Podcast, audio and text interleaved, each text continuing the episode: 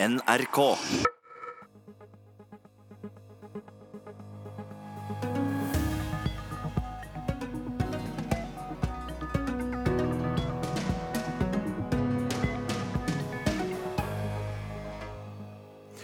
Tett på Putin og tett på næringslivstopper. Hvordan ter Russlands mektigste seg i møte med utlandet? Hvis dere kommer på kampene og vi ser dere på tribunen, skal vi ta dere. Ja, dette er trusler som homofile har fått fra hardbarka fotballsupportere nå før VM. De siste årene har Russland innført en rekke lover som rammer minoriteter i landet. Religiøse, homofile, kvinner og barn. Hva ønsker Putin å oppnå med dette, og vil han bruke VM til å gjøre det enda vanskeligere for utsatte grupper? Og så skal vi også snakke om oligarkene denne timen, de som har så mye penger at de kan kjøpe seg engelske fotballag. Med felles grense, og ofte også felles næringsinteresser, har det gjennom årene selvsagt vært mange møter mellom norsk og russisk næringsliv, og også mellom statsråder og ministre. I studio i denne delen skal vi eh, snakke med en tidligere næringslivstopp, en tidligere statsminister og en tidligere fiskeriminister, som alle har hatt sine erfaringer og møter med russerne. Og Jeg begynner med deg, Eivind Reiten, tidligere toppsjef i Norsk Hydro. Eh, du hadde jo mange møter med eh, russisk næringsliv, både da det gjaldt aluminium og ikke minst Stockmann, verdens største gassfelt, som alle vi som jobbet med økonomi og næringsliv snakket mye om gjennom mange år. For det var sterke ønsker fra norsk side om å få ta del i denne utbyggingen. Og, ja, hvordan vil du beskrive dine første møter med russisk næringsliv? Jeg vil nok si at det, det, det, var ikke spesielt behagelig i den forstand at de er vanskelig å komme inn på. Og det er klart Når vi snakket olje og gass, så snakket vi jo med en mastodont, altså med Gazprom, som er et gigantisk selskap med sterk politisk styring. Så jeg opplevde nok at det var svært mange turer til Moskva, og vi tok eh, noen musesteg fremover hver gang. Men du forlot alltid møtene selv om du hadde hatt reale, gode diskusjoner i møtene, så forlot du alltid møtene med dette spørsmålstegnet men hva betyr dette egentlig? Og Derfor så brukte vi jo ofte hele flyturen tilbake på å sitte og fundere på var dette et eh, gult lys, var det et grønt lys, hvordan skal vi tolke det? Og jeg tror de på mange måter så likte de også litt den situasjonen at vi var de som ønsket oss inn.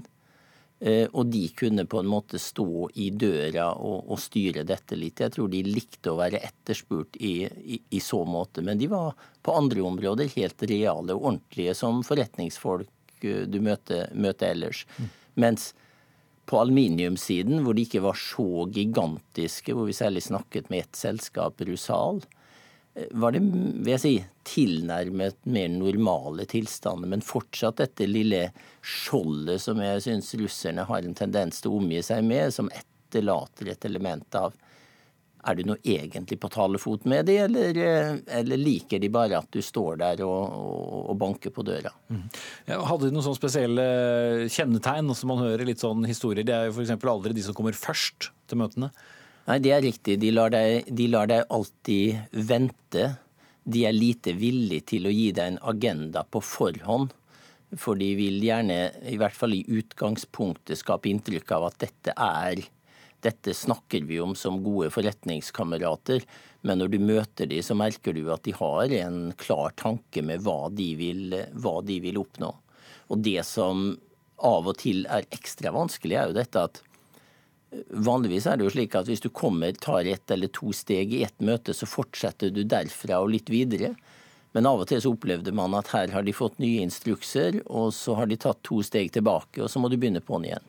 Men i sum så gjorde jo vi i Hydro mye viktig, stor forretning med Russland hele tiden. Både på aluminiumsområdet, på gjødselområdet, hvor vi kjøpte mye råstoff fra dem og også på olje- og gassiden, selv om vi aldri fikk hull på denne Stockmann-ballongen. Nei, det var jo en historie som bare fortsatte og fortsatte. Men i løpet av den perioden da du ledet da et av Norges viktigste mm, børslokomotiv, så hadde du også møter med, med Putin selv. Hvordan, hvordan var han? Veldig spesielt Eh, å møte han. Jeg møtte han først i Norge, senere i St. Petersburg. Og ved en tredje anledning var jeg faktisk på hans kontor i, i, i Kreml og, og diskuterte nokså viktige saker der. Han var veldig streit forretningsmessig. Han kunne sine saker.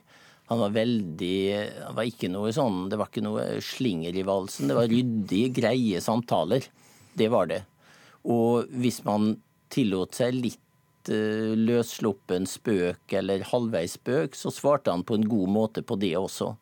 Så jeg opplevde han som en, som en veldig ekstremt fokusert, fokusert leder. Uh, men på ett tidspunkt så gjorde nok jeg tilnærmelser til et russisk aluminiumsselskap som kanskje som, som, kanskje gikk et stykke inn på den politiske arenaen, hvor de ble engstelige for hadde vi eh, som Hydro tanker om å overta dette selskapet. Og da øh, møtte jeg han da, som sagt, under litt spesielle omstendigheter, hvor han gjorde det veldig klart på den ene siden at dette var beslutninger som styrene i de to selskapene sto fritt i å gjøre, mm -hmm. men han ville gjerne at jeg visste hva han mente om det. og da var det jo ikke så mye mer å diskutere, for å si det på den måten. Tidligere statsminister for Kristelig Folkeparti, Kjell Magne Bondevik. Du er med oss fra vårt eh, kontor og studio i Porsgrunn. Du har jo også møtt eh, Putin ved flere anledninger, og som du har fortalt før sending, du fikk også se litt sånn utvikling av utviklingen til Putin som, eh, som statsmann. Ja, han kom jo til Oslo i november 1999. Da var han nettopp blitt ny statsminister. Eh, utnevnt av eh, Jeltsin. Eh, han var med på dette store toppmøtet til minne om avdøde statsminister Rabin fra Israel. Der var Bill Clinton, der var Yasser Arafat, der var Ehud Barak. Og så kom Putin, og jeg hadde et bilateralt møte med han. Da var han helt fersk. Jeg hadde tross alt da vært statsminister i et par år. Og jeg merka at han var faktisk den gangen litt usikker. Han turte nesten ikke si noe uten å ha kikka på sine embetsfolk som satt ved siden av. Eh, men han utvikla seg jo veldig. Eh, og møtte han jo igjen i eh, Oslo. Da var han blitt president i 2002. Og så i Moskva, i Kreml, i 2005. Og det var en stadig mer selvsikker Putin. Mm. Ja, eh, Dere møtte jo begge ham da selvfølgelig i, i Oslo her. Men spørre deg, eh, Bondevik, det å skulle da være vert på, for dette offisielle statsbesøket i, i 2002, hva, hva, gjorde dere av forberedelser, og hva slags kontakt hadde dere for å fasilitere dette? Jo, det, Sånne møter forberedes jo alltid godt eh, blant eh, embetsfolk på begge sider. Eh, og Det var jo også næringslivsinteresser i bildet. Det var vel ved den anledning at Telenor eh, undertegna en stor avtale med det russiske VimpelCom, og det var stor oppmerksomhet rundt det. Jeg husker også møtet med Putin da på toppen av høyblokka i regjeringskvartalet. og Da jeg kom inn på eh, delelinja i Barentshavet, som jo hadde vært et forhandlingstema i mange år, eh, så var han nok ikke så veldig godt forberedt akkurat på det punktet. Eh, og han var liksom nesten i ferd med over bordet å godta prinsippene som Norge sto for eh, i den saken, altså midtlinjeprinsippet. Eh, men da ble han advart av sine embetsfolk rundt, det registrerte de. Og Han frafalt det og sa at dette får vi snakke om senere, men vi får løse dette spørsmålet, sa han, før vi begge blir pensjonister. og, og, det, og det greide, greide, jo de to. Det holdt han. Han beholdt jo makta. Så ble det jo mine etterfølgere som fikk gleden av å dra den avtalen i land. Men det var jo før vi begge ble pensjonister, så i så måte holdt han avtalen. Av de statslederne du har møtt eh, i din tid som, eh, som statsminister, var Putin på en måte noe annerledes enn eh, en andre? Ja, kanskje det. Han var, han var litt mer tilknappa. Han var veldig eh, konsis. Etter hvert som han ble varmere i trøya, så lærte han leksa si godt. Jeg husker jo da jeg var tilbake i Moskva i juni 2005, mot slutten av min statsministerperiode, så hadde han virkelig forberedt seg på delelinjespørsmålet. Og da jeg kom inn på hans kontor, så hadde han lagt kart over Barentshavet eh, på møtebordet og pekte og tegna og forklarte. Eh, så han vel da, tenkte vel da at nå ville jeg komme til å følge opp det vi hadde snakka om i Norge noen år siden, og det gjorde vi. Og jeg tror vi tok kanskje noen nye steg som senere leda fram til eh, avtalen. Men han kunne også være veldig eh, stolt. Ja, han var selvsagt stolt over Russland og russisk kultur, og det har han jo gode grunner til. Men da jeg var i St. Petersburg og feira byens 300-årsjubileum i 2003 da var det en veldig stolt Putin som tok imot mange internasjonale gjester. Dette er jo hans fødeby. Det var der han vokste opp, det var der han starta sin eh, karriere. Det er derfor han har plukka mange av sine sentrale medarbeidere. Og, eh, og det, dette var stort for han å vise denne storslagne byen med alle disse fantastiske kulturbygningene og utstillingene. Og det paradoksale og interessante var jo at han starta hele jubileet i ei kirke i Isak-katedralen, hvor biskopen sto fram og, eh, og, sa noen ord og lyste velsignelsen over oss eh, regjerings- og statssjefer. Og Det var jo utrolig å tenke på i et land som bare for eh, relativt få år siden var kommunistisk og med ateisme som ideologi. Mm.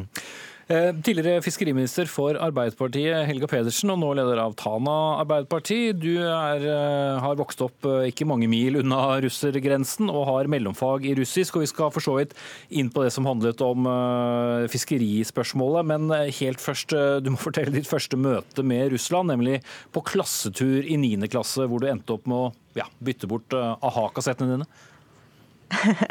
ja, det var i 1988, mens eh, St. Petersburg eh, enda het eh, Leningrad. Da dro vi på klassetur bort der, og det var jo en fantastisk opplevelse. Russland, eller da Sovjet, har jo alltid vært veldig nært. Og jeg er jo vokst opp med historier om pomorhandelen. Det var jo enda folk i min bygd som huska pomorhandelen og huska kontakten med Russland før revolusjonen da jeg vokste opp. Og eh, også historiene knytta til russerne sin frigjøring av Finnmark i 1944 er jo på en måte en, har alltid vært en del av samtalen rundt kjøkkenbordet hjemme. Likevel så er det jo veldig få som eh, hadde anledning til å reise over grensa gjennom den kalde krigen. Så det var veldig veldig stort å få oppleve det. Og det var jo en helt, helt annen verden.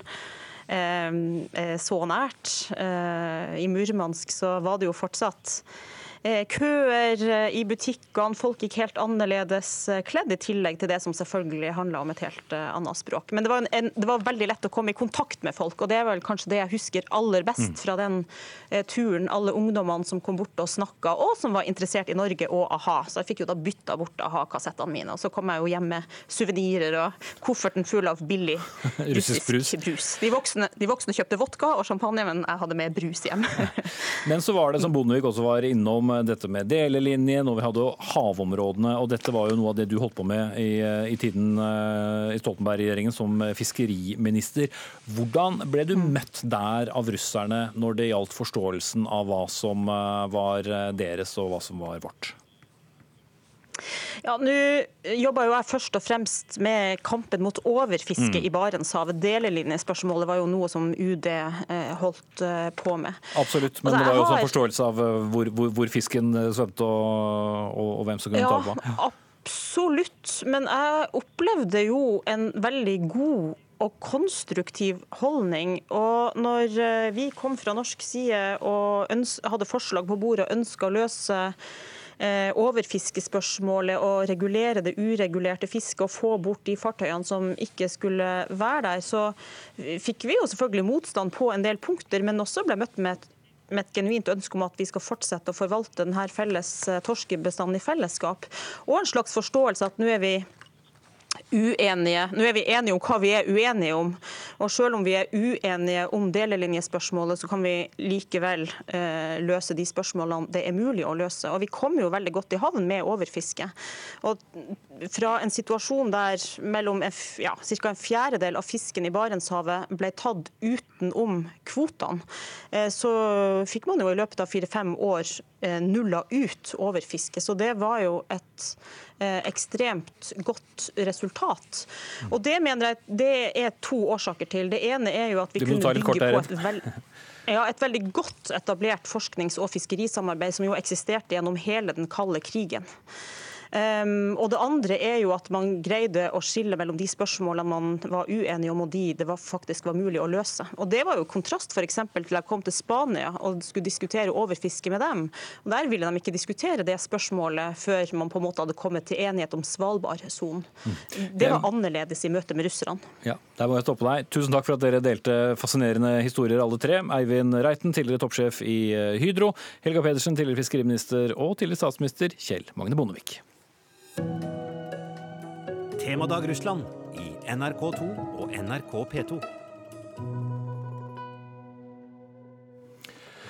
Oligarki, ja det betyr rett og slett fåmannsvelde. Og det er et ord vi stadig kommer tilbake til når det gjelder Russland, ironisk nok i et land med over 142 millioner mennesker. For det finnes en elite i landet, oligarkene, de som har så mye penger at de kan eie engelske fotballag. Historien om de svimlende rike oligarkene har vi jo vært innom tidligere. Det startet med Gorbatsjov og perestrojkaen på begynnelsen av 90-tallet. Eh, og vi snakker da altså om alt staten eide, som skulle ut på det åpne markedet i en slags begrenset form for markedsøkonomi. Og alt dette skjedde, som vi har snakket om tidligere, veldig, veldig raskt. Per Egil Hegge, tidligere Moskva-korrespondent og redaktør i Aftenposten. Eh, opphevelsen av all denne statseiendommen, hvorfor skjedde det? Også måten det skjedde, hvorfor skulle alt skje så raskt? Nei, det var jo fordi at eh, Hvis du tar den, den, det tidsavsnittet, så var det jo fordi Jeltsin trengte å gjenvelges, og da trengte han penger til valgkampen. Uh, og han ga et sånn turboløsslipp for nykapitalismen som da ble turbo- og uh, stormannskapitalisme og stormannsgalskap. Men han fulgte jo egentlig bare det rådet som Margaret Thatcher hadde gitt til Gorbatsjov. Gorbatsjov visste jo ikke hva det skulle gjøre, eller i hvert fall ikke hvordan. Så hun sa innfør kapitalisme, så ordner alt seg. Og der, der, er vi i dag. Det har ordnet seg veldig bra for noen få. Ja. Ikke fullt så bra for svært mange. Be deg sette deg enda litt nærmere mikrofonen, Hegge. Eh, det var vel en eller annen slags plan også om at noen av disse verdiene skulle tilfalle det russiske folket igjen, men eh, det stoppet liksom litt opp på veien?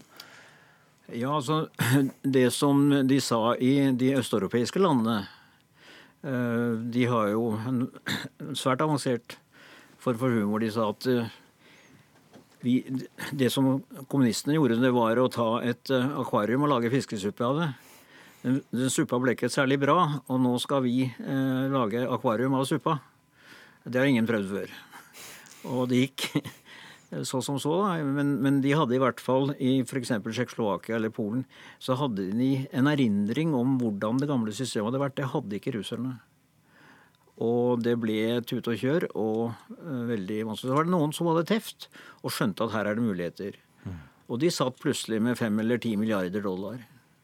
Eh, fordi de var fikse og intelligente. Ja, helt eventyrlige pengesummer som også var i omløp. Tre firedel av all eiendom er nå privatisert. Og, og, hvem var disse som klarte å karre til seg eh, mest av, av disse rikdommene? Det var ganske driftige eh, karer. De fleste var menn. Nesten alle. Og de hadde eh, studier bak seg. Én eh, var eh, sjakkgeni. Eh, og eh, gjorde fikse ting så han plutselig satt med Russlands største formue. Han skjønte ikke tegningen da Putin overtok, for Putin sammenkalte disse her og sa at vi vet at dere har kjørt litt for mange innersvinger. Det er greit, men ikke bland dere i politikk. Og en som ikke gjorde det, var han som kjøpte Chelsea. Men Hodorkovskij, smartingen, han begynte politisk virksomhet og ble advart gang på gang, både av venner i utlandet og venner i Russland. Nå, nå tar de deg snart.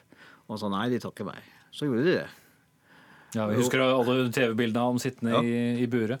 Ja, og han eh, ble jo benådet like før Sotsji-OL. Det gjelder jo å skaffe seg litt PR også om man er leder. Uh, og det har vært anslått at han fikk med seg en 50 millioner euro ut. Uh, det kan man jo leve brukbart av. Hvis det ikke bare er det at bare det ikke er det at man har mistet 10 milliarder dollar, så er det vel litt stusslig antagelig. Mm. Eh, Åge Borchgrevink, du er også tilbake. Altså, hva har skjedd med oligarkene, da?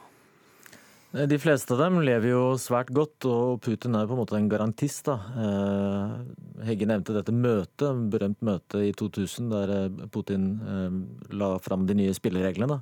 Og de fleste har jo fulgt dem. De som ikke gjorde det, de forsvant ganske raskt. Dels til Israel og, og London, og noen fra, ja, fra verden. De endte opp døde. Så, men men det er jo, det er, det er liksom helt utrolig hvordan forskjellene i Russland er. Uh, den franske økonomen Thomas Piketty han er jo kjent for å studere liksom, forskjeller i Vest-Europa, men siste året og litt i forbindelse med Marxes 200-årsjubileum så har han hatt søkelys på, på Russland og funnet ut at forskjellene er jo større der enn i, enn i, noe annet land. Altså større enn i USA og langt større enn i Kina. Og eh, denne privatiseringen Hegge beskrev, har hatt den konsekvensen at du har fått en bitte liten, ikke egentlig klasse, men klikk av oligarker som sitter på liksom eh, alle de store verdiene. Det dreier seg først rekke om ca. 100 dollar milliardærer, og så en 100 000 dollar millionærer. Men har det da altså betydd, med mindre man eh, gjorde da som, eh, som Kodorkovskij, og bare for å minne om den historien han var jo nær på å kjøpe seg inn i, i norske kverner eh, på begynnelsen av 2000-tallet også. Men de som i dag er oligarker, er de fortsatt i, i Putins uh, krets? Eh, ja, og kan jo si at uh, det ser jo ut som Putin kan være noe av en oligark selv. Altså eh, F.eks. disse avsløringene i Panama-papirene og slikt. Der dukket jo frem at en rekke personer i Putins helt nære krets, slektninger osv. En cellist, eh, eh, som er en gammel barndomsvenn, plutselig er blitt bemerkelsesverdig rike, kontrollerer veldig store penger i utlandet, og antagelsen er jo at dette kan være Putins egne midler som blir kontrollert av andre. Det er jo en litt tunglest bok eh, skrevet av en amerikansk statsviter som heter Karen eh, Davisha. Eh, og hun anslår Putins formue, eller den formuen han har kontroll over, til ca. 90 milliarder dollar. Den boken turte ikke hennes universitetsforlag, som har brukt og gitt ut flere bøker, å utgi, for de var redd for saksanlegg. Så det var et kommersielt forlag som utga den. Uh, og det er mange tall og like mange navn som russiske romaner. Men det er interessant lesning for å se hvordan han har operert og holdt uh, dekke over. Så er det jo noen uh, oligarker som det er gått ikke fullt så bra med, selv om de fremdeles er ovan torva, som det heter. En som heter Dripasjka, han var Russlands rikeste mann. Og da var han, formuen hans anslått til 30 milliarder dollar. Han gikk på noen kjempesmeller, delvis fordi han røk litt uklar med Putin. Ikke, ikke mye, men han ble skjelt ut et par ganger. Mm. Uh, og han gjettet dårlig før og under krisen i 2008. Så han er fattiglus nå på ca. 3,5 milliard dollar. Så vidt han har til salt i såret, si. Ja. Så vidt han har til lystgjort av et par damer som er ganske velholdte, og, og litt fornøyelser ellers, da. Men, men han har altså Det er ikke bare suksesshistorier. Eh, men så lenge du er i live når du driver det spillet der, så burde du være fornøyd. Antagelig. Og så blir det vel også litt uangripelig. for Jeg husker fra min egen tid i Storbritannia da det begynte å isne mellom eh, da Cameron og Russland, så var det veldig vanskelig å tørre egentlig å ta det skrittet og gå til noen økonomiske sanksjoner mot oligarker, og Russland også, fordi at deres penger er etter hvert blitt så vevd inn i store børsnoterte selskaper, og selvfølgelig viktig for engelskmenn, fotballag. Ja, det, er jo, det, er jo, kjempeinteressant. Altså, eh, eh, Britiske justismyndigheter selv anslår at det er noe sånt som eh, 100 milliarder pund årlig som hvitvaskes, eh, da særlig gjennom City og London osv.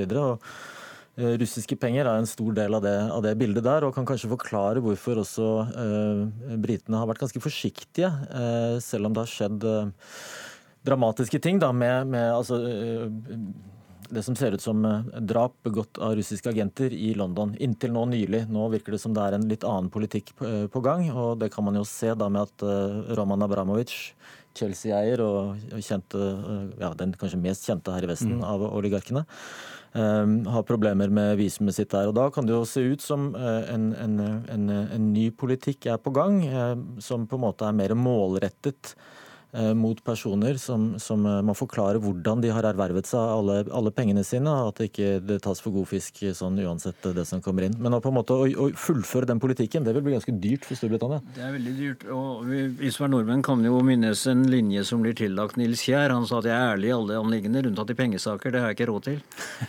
og det med å gripe inn mot disse her som du så på nært hold da, i Det kunne jo lages nye episoder med Upstairs Downstairs. Fordi det strøket av London er jo i stor grad overtatt av ikke altså de verste eller største oligarkene, de som har mest penger, men folk som har sånn hyggelige 250 millioner dollar på, på bok, så de klarer seg. Og kan kjøpe anstendige leiligheter. Fascinerende historie, og mange har kanskje spilt en aldri så liten rolle frem mot fotball-VM også. Eh, takk til Per Egil Hegge, tidligere Moskva-korrespondent og redaktør i Aftenposten, og forfatter Åge Borchgrevink. Den russiske etterretningen mot Norge øker og blir stadig mer aggressiv, og tar stadig nye former også, ifølge eksperter. Men hvordan foregår dette egentlig? Geir Hågen Karlsen ved Forsvarets høgskole, du er oberstløytnant og ekspert på påvirkning. Det er den russiske sikkerhets- og etterretningstjenesten FSB som har hovedansvaret for å drive etterretningsvirksomhet mot og i Norge. Vet vi hvorfor russerne spionerer på oss? Ja da, og det er flere av de. De har også to andre etterretningstjenester, GRU, som er den militære, og SVR. De er opptatt av norsk sikkerhetspolitikk, norsk beredskap i kriser. Det gjelder jo selvfølgelig sånn som meg i Forsvaret, men det gjelder også justissektoren og andre deler av samfunnet. De er interessert i norsk energipolitikk, og de er interessert i norsk avansert teknologi, kanskje særlig i oljesektoren. Hva slags metode bruker de? Man bruker det man kaller HUMINT, Human Intelligence, eller vanlige agenter, spioner om du vil. Man bruker cyberangrep, altså det å hacke seg inn og stjele. Det er jo lett og trygt i forhold til å ha agenter på bakken. Det er kanskje de to viktigste områdene. Så kan det være en del annen teknisk etterretning med satellitter som overvåker og avlytting av samband, radio, mobiltelefoner osv. Mm. Og som du sier, da, såkalte cyberangrep det er blitt vanligere. Vi husker denne hackergruppen APT29, også kalt Cozy Bear, som har hakka seg inn da i Pentagon, Hvite hus og amerikansk UD før presidentvalget i 2016. Og sist høst så hakka de seg også inn i flere norske institusjoner, blant dem Arbeiderpartiet. Dette er en hackergruppe som med stor sannsynlighet har forbindelser til myndighetene. Hva, hva er det russerne vil med det? Ja, I forbindelse med valget og hacking mot politiske organisasjoner, så er det alt tyder på at de prøver å skaffe materiale som er kompromitterende og som kan brukes til å undergrave tilliten til enkeltpolitikere eller partier og derigjennom påvirke valgresultatet, eller muligens bare, sånn som vi så særlig i USA, skape sosial splid og uenighet om kontroversielle tema. Mm. Hva er det de vil vite når de f.eks. går inn og, og spionerer på norske institusjoner, da? Ja, altså Jeg jobber i Forsvaret, så det er klart at forsvarsplaner er interessant. Norske vurderinger av politikk i nordområdene og energi er selvfølgelig interessante. og Som nevnt så kan jo også teknologi være interessant. altså Stjele teknologi på avansert utstyr for, for olje- eller gassutvinning eller våpensystemer eller annen avansert teknologi som kan materiallegeringer som kan brukes til spesielle formål. Det kan være veldig sånn spesielle ting som kanskje ikke er helt åpenbare for alle. Sikkerhetspolitikk og våpen er liksom åpenbart for alle. Det er ganske åpenbart, ja. Men det er et konsept som går igjen i denne sammenhengen, som, som man kaller hybridkrig. Hva er det? Ja, og Det er noe vi ser for oss mer i krisetider, eller som en opptrapping mot en vanlig krig. En hybridkrig er typisk en konflikt hvor man bruker andre virkemidler enn vanlige militære styrker. Det kan være spesialstyrker og hemmelige agenter som opererer i sivilt. Det så vi jo f.eks. på Krim når russerne gikk inn der. Det kan være cyberangrep for å sabotere. I Ukraina så har du sett en lang rekke angrep mot banktjenester, mot energi, kraftforsyning og også medier. Og Vi har jo hatt et tilfelle i Frankrike hvor de hacka seg inn på en TV-stasjon, TV5 Monde, eller TV5 Verden som, som den heter på, på, norsk. Og Det var vel like før de ødela det tekniske utstyret på en måte som gjorde at den stasjonen ville vært slått ut for lengre tid. Så man kan ikke være trygg i NRK heller i en krisesituasjon. Mm. Men nå er vi heldigvis ikke i en krisesituasjon nå, da. Så vi. Så, så, vi må jo også snakke litt om, om hva er det de, de gjør når det er i, i fredstid. Men tradisjonelt så tenker vi at de hemmelige tjenestene nettene blir brukt til å innhente informasjon, eh, men mer og mer så skjønner vi at det brukes også til å påvirke oss, dvs. Si plante informasjon eh, hos oss, eller få oss til å tenke på en spesiell måte. Og De bruker da bl.a. vanlige medier og sosiale medier. Helt konkret, hvordan bruker de sosiale medier til å påvirke oss? Det som har vært mest oppmerksomhet de siste årene, har vært valgmanipulasjon, særlig i USA, men det har vært forsøk i Frankrike og enkelte andre land. Eh, og Der har man jo spredd informasjon via sosiale medier som skulle være kompromitterende for politikere eller partier, altså undergrave tilliten til dem. Eh, det er jo særlig sosiale medier som er aktuelle. Så finnes det en del russiske medier som eh, RT, eller tidligere Russia Today, de hadde noe som het Sputnik, som også var på norsk, men den har lagt ned. Den var automatoversatt og litt sånn latterlig. Um, og, eh, og, de er kanskje mer plattformer for å legge ut noe, mens den virkelige spredningen skjer i sosiale medier. Har du et eksempel på det sånn konkret? Vi kan se for oss ja, det, hvordan det, foregår. Det største eksempelet Norge har vært relativt beskytta, men det største eksempelet, eh, mest kjente kanskje i Europa, det er for to år siden i Tyskland under den store flyktningbølgen, hvor det var eh, veldig store demonstrasjoner og veldig stor politisk uenighet rundt mottak av flyktninger. Hvor russiske medier, sosiale medier, også etter hvert politikere, spredde rykte om at en 13 år gammel jente av russisk bakgrunn eh, hadde blitt voldtatt av eh, asylsøkere. Det var, en, det var en ren løgn. Hun hadde rømt fra familien sin sammen med kjæresten sin. Eh, og Det var jo selvfølgelig et forsøk på å skape sosial splittelse. Vi har også sett et eksempel som Politiets sikkerhetstjeneste offentliggjorde i fjor, hvor, hvor et falskt brev Eh, fra, som så ut som det var fra, fra um, den ukrainske parlamentet til den amerikanske ambassaden her i Oslo eh, angående nominering av den ukrainske presidenten som fredspriskandidat. Eh, og det Nobelinstituttet fatta mistanke til det her, og sikkerhetstjenesten etterforsket. og det, det, kom tydelig fram at det var et russisk forsøk på både å undergrave mulig kandidatur, og sannsynligvis også for å, hvis han skulle bli nominert, da spre rykte i ettertid om at eh, det var eh, sånn eh, samarbeid mellom USA og Ukraina for å manipulere det. Mm. I Sverige så har de hatt et betydelig antall, stort antall saker. Det har vært eh, f.eks. falske brev hvor det ser ut som eh, forsvarsministeren gratulerer Bofors med å ha solgt kanoner til, til, Ukraina. og Det er også et helt, helt uakseptabelt etter svensk sikkerhetspolitikk. så Der holder de vel en rapport som avslørte 30-talls sånne tilfeller av forfalskninger her i fjor. Mm. Hvordan ønsker de å påvirke oss da?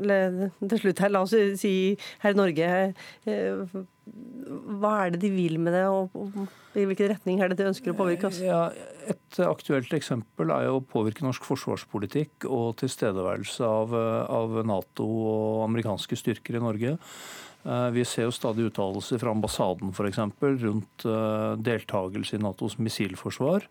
Eh, som er retta mot eventuelt missiler fra Nord-Korea eller Iran eller noe sånt. ikke sant? Eh, som de ikke ønsker. Og, og samme eh, rundt øvingsaktivitet. I, vi forventer jo en russiske reaksjoner når vi har en større Nato-øvelse her i, i, Norge nå til høsten f.eks. Det er typisk områder som de ønsker å påvirke. Mm. Da får vi følge med. Den store Nato-øvelsen Trident Juncture. Geir Hågen Karlsen, oberstløytnant ved Forsvarets høgskole, tusen takk skal du ha. Takk for at jeg fikk komme.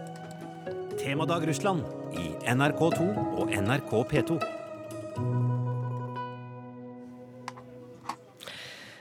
Brudd på menneskerettighetene skjer daglig i Russland. Sårbare grupper som barn, kvinner og etniske minoriteter er særlig utsatt for overgrep. Og De siste åra har også innføringen av en rekke lover gjort det enda vanskeligere eh, for utsatte grupper. Lene Wetland, seniorrådgiver i Helsingforskomiteen avkriminaliseringen av familievold. En av mange lover og lovforslag som griper inn i folks familie- og privatliv. Hvilke konsekvenser får dette?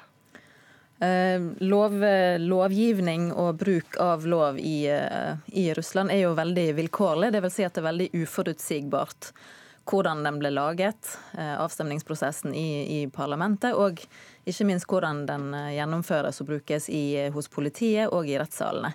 Eh, så det er veldig vanskelig å forholde seg til, eh, til, lovgivningen. Og mye lovgivning er rett og slett der for å avskrekke.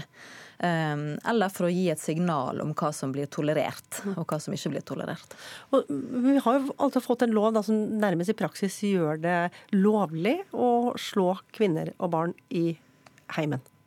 Eh, ja, den avkriminaliserer det, så da er det heller ikke så uh, uglesett og ikke så uvanlig uh, å gjøre det. Det er et slags godkjenningsstempel fra myndighetenes side når det, heller, når det ikke er straffbart. Uh, og det passer godt sammen med russiske ordtak om at man ikke skal uh, henge ut skittentøyet sitt offentlig. Altså dette er noe som skal løses uh, hjemme. Mm, og Hvert år så dør 14 000 russiske kvinner som følge av mishandling i familien. Og så er det 17 000 barn som sitter i fengsel i Russland.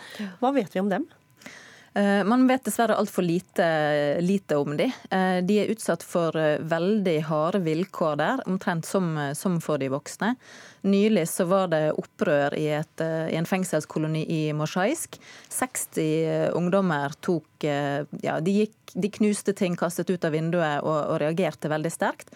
Og de står nå tiltalt i en, en byrett utenfor Moskva.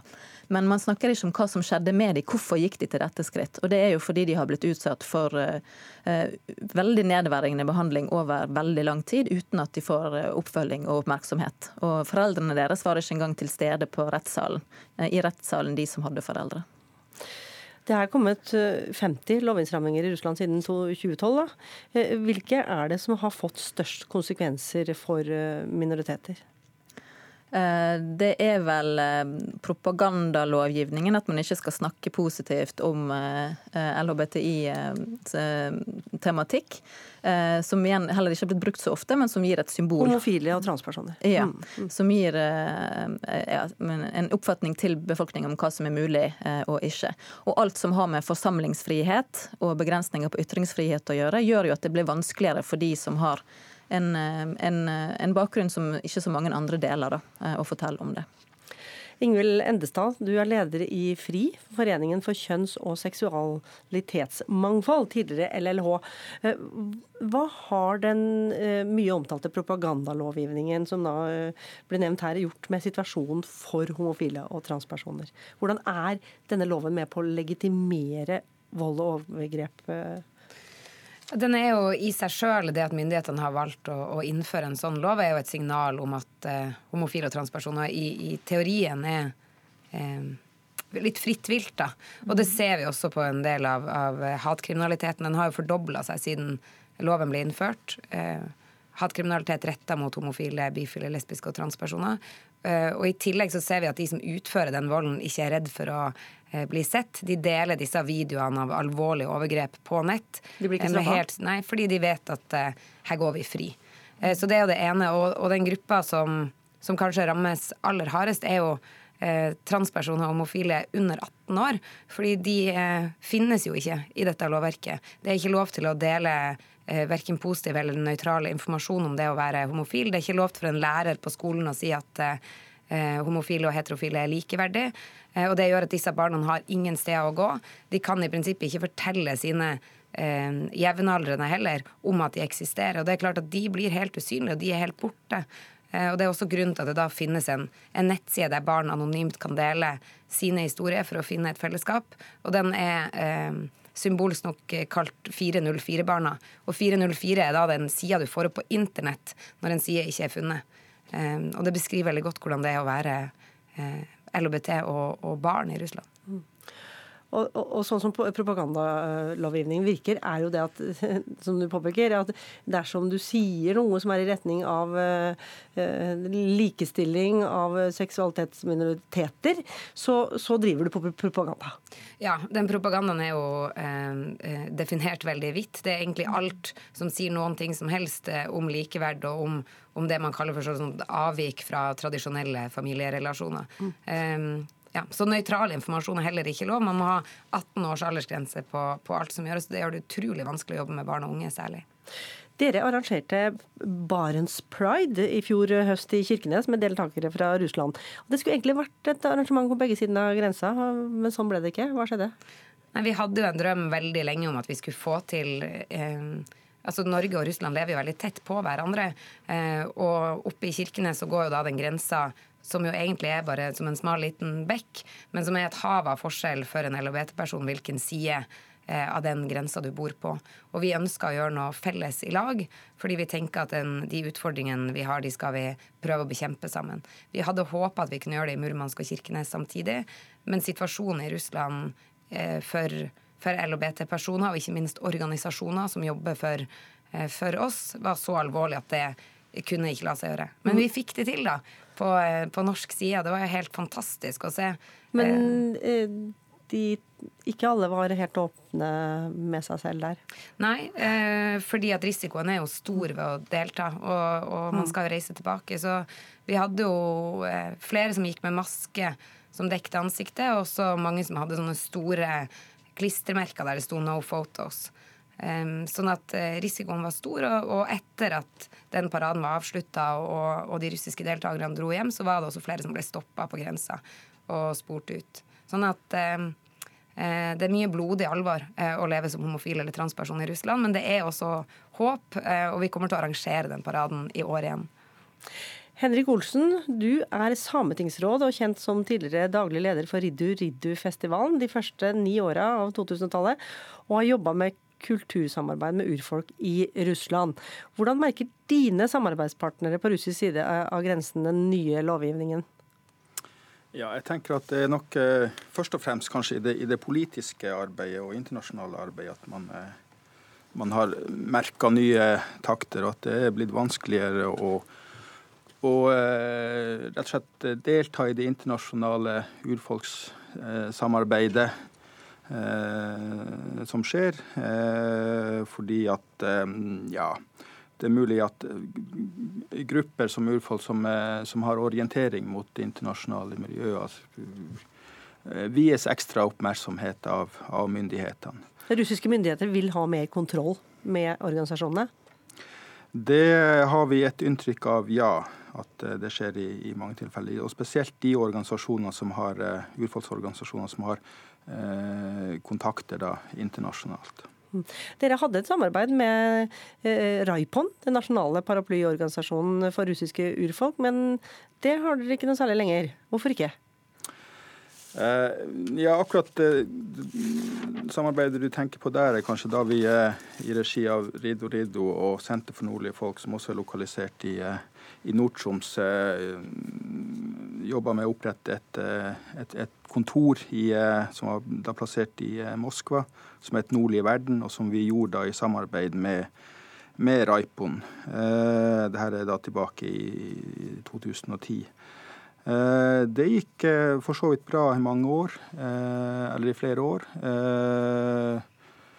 Så kom nå da den nye lovgivninga om fremmede agenter. og og også eh, sensa vi at Raipon eh, ble mer i myndighetenes oppmerksomhet, og at de også eh, eh kanskje var involvert i, i, eh, i, eh, valgene som ble gjort der, og slike ting. Og, og da ble også presset på kontoret, som da var etablert litt større, man ville ha mer innflytelse over hvem som skulle være ansatt der og eh, ha mer styring med det som eh, foregikk. og eh, Også med tanke på at det her var et, et, en virksomhet som mye var finansiert fra Norge, og, og loven om fremmede agenter trådte i kraft, så, så eh, fant de ut at av, av, hensyn til dem som nå var eh, jobba der og slikt, så var det, var det mer hensiktsmessig å, å, å avvikle eh, det samarbeidet med det kontoret. Og, sånn at den har ligget ligget på is da i, eh,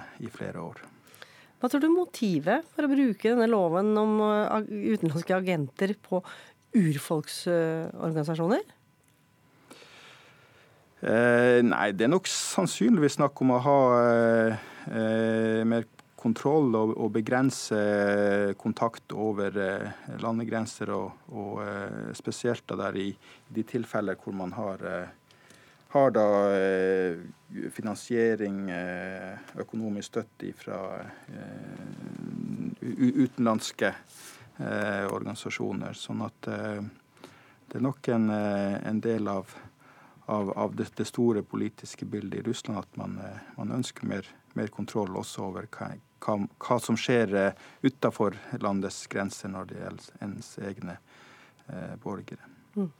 Vi, får jo av og til rapporter fra Moskva og andre storbyer, men eh, Russland er stort, og med mange delrepublikker med etniske og religiøse minoriteter i tillegg.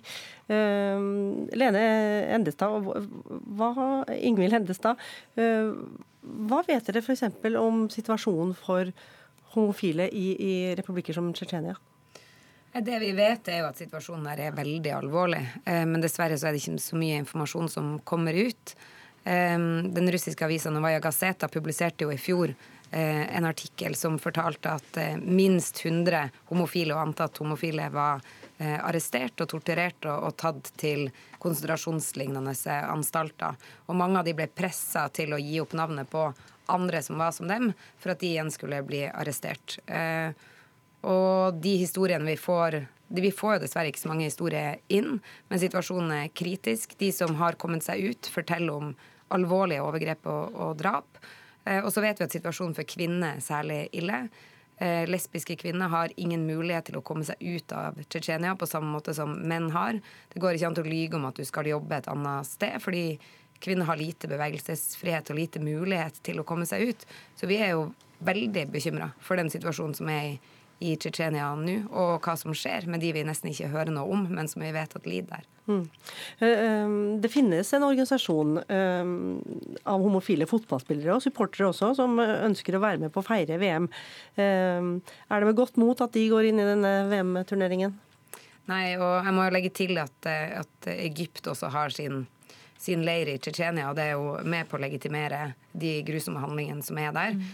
Um, men det er klart, ja, de har også fått trusler om at dersom det er skeive supportere som, som dukker opp på tribunene, så kan de forvente seg bank. Eh, og i tillegg til de overvåkningen man nå har i Russland, den teknologien for å kunne gjenkjenne ansikt på folk, så er jo ikke det en trussel som stopper idet du forlater en fotballstand. Den blir jo med deg. Mm, Lene Vettesland til slutt her. Eh, nå sparkes jo fotball-VM i gang. Eh, tror du myndighetene vil kunne bruke dette VM-et til å stramme inn på disse lovene enda mer? Ja, det, det, er det vi ser eh, tegn på allerede. Altså, som nevnt så har det vært rundt 50 lovinnstramninger siden 2012. De går på et stort spekter av eh, friheter i Russland som blir innskrenket. I forbindelse med VM så er det kommet 20 Eh, altså presidentdekret som innstrammer dette ytterligere. Politi og andre sikkerhetsstyrker får mer makt og mer fullmakter. Er det under dekke og at vi skal plukke ut eh, terrorister f.eks.? At de ja. da overvåker, og så kan de bruke det senere? Ja, for det, det er jo legitimt å ha sikkerhetsoppbud for å hindre ulykker og, og, terrorisme. Men i dette tilfellet så blir det misbrukt, og informasjon blir samlet inn som kan eh, brukes også etter, etter VM. Tusen takk til dere. Ingvild Endestad, leder i FRI, Foreningen for kjønns- og seksualitetsmangfold. Lene Wetland, seniorrådgiver i Helsingforskomiteen. Og Henrik Olsen, sametingsråd og kulturarbeider. Neste time er det duket for toppmøte med Moskva-korrespondenter her i vår Russland-maraton.